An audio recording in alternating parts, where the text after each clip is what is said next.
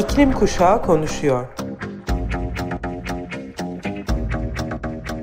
Hazırlayan Atlas Sarrafoğlu.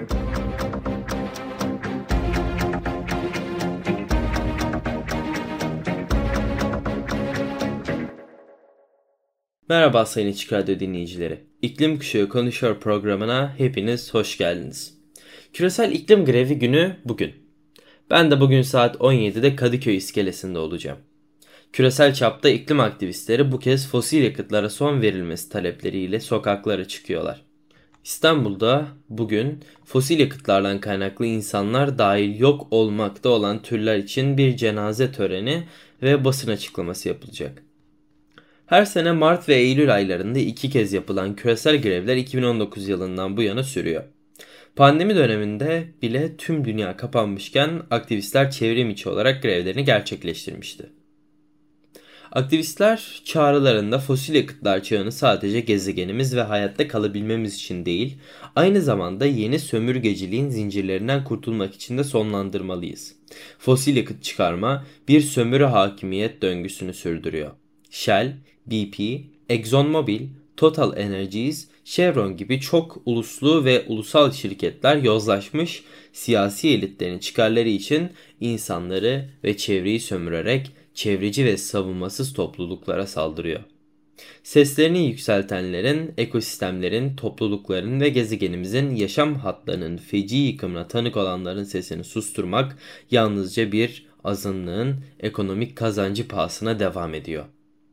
Ortaya çıkan çevresel bozulma bir sömürgecilik sistemi yoğunlaştırarak ve sürdürerek ve doğayı korumak ve savunmak için mücadele edenleri suçlu durumuna düşürerek iklim değişikliğine karşı savunmasızlığı şiddetlendiriyor.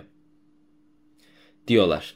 Çağrıyı yapan Youth for Climate ekibinden Maya Özbayoğlu grevlerini yapma sebepleri üzerine bu yaz boyunca dünya çapında yine yeni sıcaklık rekorları kırıldı. Milyonlarca insan iklim felaketlerine maruz kalırken kendi ülkemizde doğa savunucuları gözaltına alınırken Akbelen'deki gibi 780 dönümlük ormanlık alanda ekokırım suçu işlenirken nasıl kollarımız bağlı olabilir? Topluca harekete geçmemek bir seçenek değil artık. Ya hepimiz varız ya hiçbirimiz yokuz. Birleşmiş Milletler Genel Sekreterinin dediği gibi artık global ısınma çağı bitti, global kaynama çağı başladı demiş. Peki bu haftaki haberlere bakalım ve küresel iklim grevlerinin haklı sebeplerini anlayalım hep birlikte. Geçtiğimiz hafta içinde birçok yerde seller yaşandı. Özellikle Libya'nın Derna bölgesinde uluslararası bir kuruluşun tahminlerine göre Daniel fırtınasından kaynaklanan sel nedeniyle Libya'da yaşanan ağır sel hayatını kaybedenlerde 6500 sayısını geçti ve bu sayının 20 bini bulabileceği söyleniyor. Ayrıca aşırı yağışların tetiklediği sel felaketi Yunanistan, Türkiye ve Bulgaristan'da da toplam 22 kişinin hayatını kaybetmesine sebep oldu. Yunanistan'da şiddetli su baskınlarının iki barajı aşıp tüm binaları denize sürüklemesine ve en çok da Derna şehrini etkilemesine sebep oldu. Türkiye'nin kuzeybatısında dün akşam başlayan şiddetli yağışın neden olduğu sellerde İstanbul'da 2, Kırklareli'nde ise 4 kişi hayatını kaybetti. Diğer bir taraftan Güney Nevada'da yaşayan fırtınalar bölgede e, ani su baskınlarına sebep oldu ve Las Vegas Strip'i sular altında bıraktı ve Black Rock Desert'taki Burning Man Festivali'nde 70 binden kişi fazla kişi mahsur kaldı. İspanya ve okyanusun diğer tarafı Brezilya'da da ağır kayıplı seller yaşandı. Güçlenen El Niño ve son zamanlardaki rekor sıcaklıklar arasında 2023'ün küresel ortalaması şimdiye kadar doğrudan ölçülen en sıcak yıl olma yolunda ilerliyor. Artık 2023'teki sıcaklıkların 1,5 derece eşiğini aşma ihtimali %55 civarında. Berkeley Earth'ın Ağustos 2023 analizindeki küresel sıcaklık koşullarının bir özetine yer vermek istiyorum. Geçtiğimiz Ağustos ayı küresel olarak kayıtların başladığı 1850'den bu yana en sıcak Ağustos oldu. Bugüne kadar yaşanan en sıcak Ağustos ayının bir önceki rekoru büyük bir farkla kırılmış oldu. Hem kara hem de okyanus ayrı ayrı en sıcak Ağustos ayı için yeni rekorlar kırdı. Küresel ısınmanın ve El Niño'nun güçlenmesinin birleşik etkisi öncelikle bu rekorun oluşmasına yardımcı oldu. Ancak muhtemelen tartışılan diğer faktörlerden kaynaklanan ek sıcaklıklar da buna yardımcı oldu. Kuzey Atlantik, Doğu Ekvator Pasifik, Kuzey Güney Amerika, Orta Amerika, Afrika ve Orta Doğu'nun bazı kısımları, Japonya ve Hindistan'ın bazı kısımlarında özellikle aşırı sıcak koşullar meydana geldi. Antarktika'nın bazı kısımlarında alışılmadık derecede soğuk koşullar mevcuttu. Kuzey Atlantik büyük bir farkla tüm zamanların rekor sıcaklıklarını yaşıyor. El Niño güçlenmeye devam ediyor ve önümüzdeki yılda devam etmesi bekleniyor. 2023'ün yeni bir rekor sıcak yıl olacağı %99 ihtimaliyle neredeyse kesin. Yani fosil yakıtlara son verme zamanı gelmiş zaten. Öyle değil mi? Küresel iklim grevine dönecek olursak iklim eylemleri üzerine yapılan bir araştırma kolektif eylemin toplum üzerinde doğrudan etkisi olabileceğini gösteriyor bize. Bu çalışmalara göre Greta Thunberg'in 2018 Mayıs ayında başlattığı ve bu yıl Haziran ayında me- mezun olana dek sürdürdüğü Fridays for Future, Gelecek için Cumalar iklim grevleri sonucunda İsviçre halkının neredeyse üçte birinin günlük alışkanlıklarını değiştirdiğini söyledi. Geçen ay okulu çocuklarının iklim değişikliği konusunda eylem talebiyle grev yaptığı Küresel Gençlik Hareketi 5. yıl dönümünü kutlamıştı. Buna odaklanan İsviçre Federal Teknoloji Enstitüsü Lozan tarafından yapılan bir araştırma bu grevlerin insanların çevresel tercihleri üzerindeki daha geniş etkisini inceledi. Ankete katılan İsviçrelilerin yaklaşık %30'u protestoların ardından ulaşım, satın alma ve geri dönüşüm alışkanlıklarına değişiklik yaptıklarını söyledi. Ekim ve Kasım 2019'daki protestoların ardından İsviçre sakinleriyle yapılan ankette grevlere katılmayan yaşları 18 ila 74 arasında değişen 1200'ü aşkın kişi protesto öncesi ve sonrasında çevre alışkanlıklarına ilişkin soruları yanıtladı. Bu hafta yayınlanan sonuçlar katılımcıların çoğunluğunun hem Thunberg'e hem de Fridays for Future hareketine olumlu baktığını gösteriyor. Bu yüzden %30 için bu somut eyleme dönüştü. Euronews'dan aldığım habere göre araştırmacı ve çalışmanın baş yazarı Livia Fritz, bulgularımız insanların davranışlarının çevreyi nasıl etkilediğinin daha fazla farkına vardığını ve bireysel düzeyde önemli değişimlerin yolda olduğunu gösterdi diyor. Katılımcılar en büyük değişiklikleri 3 alanda yaptıklarını söyledi. Ulaşım, satın alma alışkanlıkları ve geri dönüşüm. Katılımcıların üçte biri ulaşım alışkanlıklarındaki değişiklikler arasında işe arabayla gitmek yerine yürüdüklerini veya bisiklete binmek gibi alternatifler aradıklarını, eve daha yakın tatil yerleri seçerek uçmaktan kaçındıklarını söyledi. Anket katılımcıları ayrıca yerel, organik ürünler aradıklarını, daha fazla vejetaryen yemek yediklerini ve iklim protestolarının ardından plastik atıklarını azaltılması için de daha fazla çaba sarf ettiklerini de bildirdi. Livia çalışmaları ile ilgili şunları söylemiş.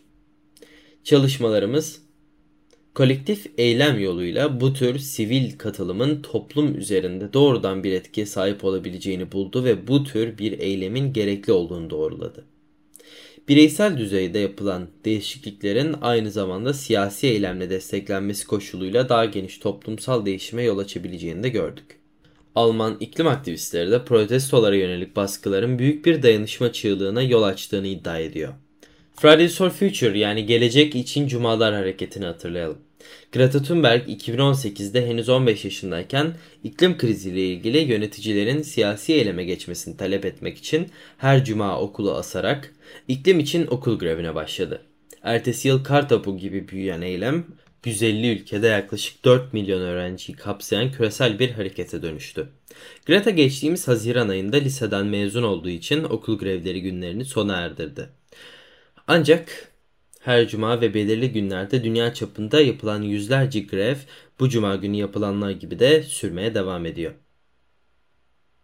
Peki genç iklim aktivistleri küresel olarak bir araya gelerek bugün sokaklarda taleplerini duyururken fosil yakıtlara son verilmesi konusunda haklı değiller mi?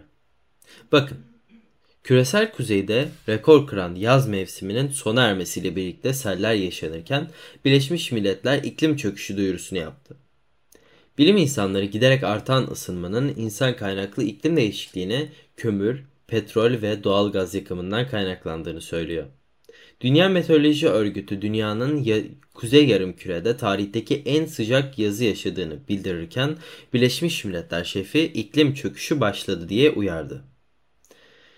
Dünya Meteoroloji Örgütü Avrupa Birliği'nin Kopernikus İklim Değişikliği Servisinden elde edilen verilere dayanarak çarşamba günü yaptığı açıklamada geçen ayın büyük bir farkla kaydedilen en sıcak Ağustos ayı olduğunu ve Temmuz 2023'ten sonra şimdiye kadarki en sıcak ikinci ay olduğunu söyledi. Ağustos ayının sanayi öncesi ortalamaya göre sıcaklık yaklaşık 1,5 santigrat derece daha sıcak olduğu tahmin ediliyor. Aynı zamanda yaklaşık 21 derece ile kaydedilen en yüksek küresel aylık ortalama deniz yüzeyi sıcaklığına da tanık oldu. Birleşmiş Milletler Genel Sekreteri Antonio Guterres raporun yayınlanmasının ardından yaptığı açıklamada yazın köpek günleri sadece havlamayla kalmıyor aynı zamanda ısırıyor dedi. 2023 yılı şu ana kadar 2016'nın ardından kaydedilen en sıcak ikinci yıl oldu. Bilim insanları sürekli ısınan insan kaynaklı iklim değişikliğine Pasifik Okyanusu'nun bazı kısımlarının dünya çapında havayı değiştiren geçici ısınma olarak bilinen doğal fenomen El Niño'nun ekstra itici gücüyle kömür, petrol ve doğal gazın yakılmasına bağlıyor. El Niño küresel sıcaklıklara ekstra ısı katıyor. Ancak bu ikinci yılından daha fazla oluyor. Bilim insanları sıcaklıkların şu anda yaklaşık 120 bin yıl öncesine göre daha yüksek olduğunu tahmin etmek için ağaç halkalarını, buz çekirdeklerini ve diğer temsili verileri kullanıyor. Dünya daha önce de sıcaktı ama bu insan uygarlığından önceydi. Denizler çok daha yüksekti ve kutuplarda buz yoktu. Maine Üniversitesi'ne göre şu ana kadar Eylül ayı günlük sıcaklıkları yılın bu zamanında daha önce kaydedilenden daha yüksek. Dünya Meteoroloji Örgütü dünya havası ve okyanusları ısı rekorları kırarken Antarktika'nın düşük miktarda deniz buzu rekorları kırmaya devam ettiğini söyledi. Yine Birleşmiş Milletler'den bir rapor yayınlandı ve gerçek bir alarm niteliğinde. Rapor, dünya sera gazı emisyonlarını azaltma ve Paris Anlaşması hedeflerine ulaşma yarışında ne yazık ki yetersiz kalıyor dedi. Rapora göre bu hedeflere bağlı kalma yöntemlerimiz artık gözden geçirilmeyi ve ciddi bir şekilde uygulanmayı gerektiriyor. Rapor yaygın bir sistem dönüşümü çağrısı yapıyor. Bu yükselen sıcaklıkları kontrol altına almak için toplumlarımızın her yönünün değişmesi gerektiği anlamına geliyor. Bu korkunç bir gerçek değilse başka ne olabilir? Sıcaklık artışlarını sanayi öncesi seviyelerin 1,5 derece üzerinde sınırlamak için benzeri görülmemiş önlemler almalıyız. Hızla daralan bir penceremiz var ve emisyonların en geç 2025 yılına kadar zirveye ulaşması bekleniyor. Ancak emisyonlar hala artıyor ve 2030 yılına kadar ihtiyaç duyulanlarla mevcut gidişatımız arasında devasa bir uçurumla karşı karşıyayız. Kaçınılmaz olan gerçek ise Birleşmiş Milletler raporu tüm azalmayan fosil yakıtların aşamalı olarak ortadan kaldırılmasının acil ihtiyacını vurguluyor. Bu net duruş iklim müzakerelerinde oyunun kurallarını değiştiriyor ve geleceğimizin temiz enerji geçişine bağlı olduğunu kabul ediyor. İlerlememiz gereken yol ise net. Rapor belirli ülkeleri öne çıkarmasa da küresel durumun net bir resmini çiziyor. Yenilenebilir enerjiye yönelmeli, ormansızlaşmaya son vermeli ve metan emisyonlarıyla mücadele etmeliyiz. Bu çok büyük bir görev ama tek seçenek de bu. Peki sırada ne var? Küresel durum değerlendirmesi, yaklaşan Birleşmiş Milletler İklim Zirvesi COP28'deki tartışmaları şekillendirecek. Bu rapordaki tavsiyeler küresel ölçekte dönüşümsel değişimin katalizörü olmalıdır. Bu raporun zamanının hızla ilerlediğinin kesin bir hatırlatıcısı olmasına izin verilmeli. Bugün vereceğimiz kararlar gelecek nesillere bırakacağımız dünyayı belirleyecek. Cesurca, hızlı ve birlikte hareket etme zamanı diyorum ve hemen Uluslararası Enerji Ajansı'ndan gelen haberi sizinle paylaşmak istiyorum. Uluslararası Enerji Ajansı IEA Başkanı temiz enerji teknolojileri ve elektrikli otomobillerin muazzam büyümesi nedeniyle dünyada petrol, gaz ve kömüre olan talebin ilk kez bu 10 yılda zirve yapmasının beklendiğini söyledi. İcra direktörü Fatih Birol, Financial Times'da kaleme aldığı yazısında IEA'nın önümüzdeki ay yayınlanacak olan yıllık küresel enerji görünüm raporunun dünyanın tarihi bir dönüm noktasının zirvesinde olduğunu gözler önüne sereceğini belirtti. Birol, bu değişimin sera gazı emisyonlarında görülecek zirveyi daha erken bir zamana çekeceği için küresel iklim değişikliğiyle mücadelede önemli etkileri olacağını söyledi. Enerji Ajansı IEA'nın e, ayrıca yayınlanan yorumlarında Birol şunları kaydetti. Fosil yakıtlardan e, önümüzdeki uzun yıllar boyunca bizimle olacak ancak rakamlarımıza bakacak olursak fosil yakıt çağının sonunun başlangıcına tanıklık ediyor olabiliriz. Birol bu değişimin büyük ölçüde temiz enerji teknolojileri ve elektrikli araçlardaki muazzam büyümenin yanı sıra Çin ekonomisindeki yapısal değişiklikler ve e, enerji krizinin etkilerinden kaynaklandığını ifade etti. Yine bugünkü küresel iklim grevinin talebine baktığımızda Fatih Birol'un bahsettiği fosil yakıt çağının sonucunun başlangıcına tanıklık ediyor olabiliriz söylemiyle tam da örtüşmüyor mu? Ancak tüm bu uyarılara, raporlara ve açıklamalara rağmen felakete giden yolda kapitalizmin etkilerinin hızlandığını görmemek de yüzünü başka yöne çevirmek olur. Dünyanın fosil yakıtları yerin altında tutarak enerji dönüşümünü sağlamak için fosil yakıtlara para akışının hızlan, hızlıca sonlandırılması gerekiyor. Ancak yeni bir araştırma Dünya Bankası'nın düşük karbonlu bir ekonomiye geçişe yeniden odaklanacağı yönünde defalarca verdiği sözlere rağmen geçen yıl fosil yakıtlara milyarlarca dolar akıttığını ileri sürdü. Küresel fosil yakıt finansmanını izleyen bir kampanya grubu olan Urge World, Dünya Bankası'nın 2022'de yaklaşık 3.7 milyar dolar ticaret finansmanının sağlandığını ve bunun da muhtemelen petrol ve doğalgaz gelişmelerine fon sağladığını tespit etti. Kapitalizmin başka bir yüzü de ülkemizde Akbelen'de yaşanan yaşam mücadelesinde görülüyor. Muğla'nın Milas ilçesi Akbelen ormanında Yeniköy Kemerköy Enerji'nin kömür madenine karşı başlatılan nöbet alanına geçtiğimiz salı günü yine askerler girdi. Nöbet alanı askerler tarafından bariyerler ile kapatılırken köylüler nöbet alanında kalan son ağaçlarının da kesileceğini belirtti. İkizköylüler sosyal medya platformu X üzerinden yaptıkları açıklamada nöbete kalan bir kişinin gözaltına alındığını da duyurdu. Alanda bulunan çadırları ve pankartları söken askerler yurttaşları alandan dışarı çıkardı. Alana yerleştirilen sinyal kesicileriyle de yurttaşların iletişim kurmaları engelleniyor. İkizköy Çevre Komitesi'nden e, Necla Işık, Henüz ağaç kesimi yok ancak oradaki çadırlar ve tüm eşyalar boşaltılıyor. Muhtemelen kesime de orayı boşalttıktan sonra bir an önce başlarlar. Kaymakamlığa gidiyoruz. Bu emri kimin verdiğini öğrenmeye çalışacağız. Gerekli hukuki girişimlerde bulunacağız. Tüm yaşam savunucuları buraya davet ediyoruz. Artık sondayız ifadelerini kullandı. Birleşmiş Milletler'den küresel ısınmayı durdurmak için kökten değişiklik çağrısı ile küresel iklim grevinin çağrısının aslında birbirinden hiçbir farkı yok. Ama iklim aktivistleri bugün hala radikalleşmeye devam ediyor. 2018'de okul grevleriyle başlayan Greta Thunberg benim ilham e, aldığım aktivist olmuştu. E, bugün hareket küresel hale gelen iklim aktivistlerine ve iklim grevleriyle devam ediyor. Bugün dünyanın birçok yerinde talepleri fosil yakıtlara son verilmesi. Ben de sizin için Greta'nın 1975 grubu ile birlikte kaydını gerçekleştirdiği It Is Time to Rebel şarkısını seçtim. Gelecek hafta İklim Kuşağı Konuşuyor programında buluşana dek kendinize, sevdiklerinize ve gezegenimize çok çok iyi bakın. Şimdi isyan etme zamanı.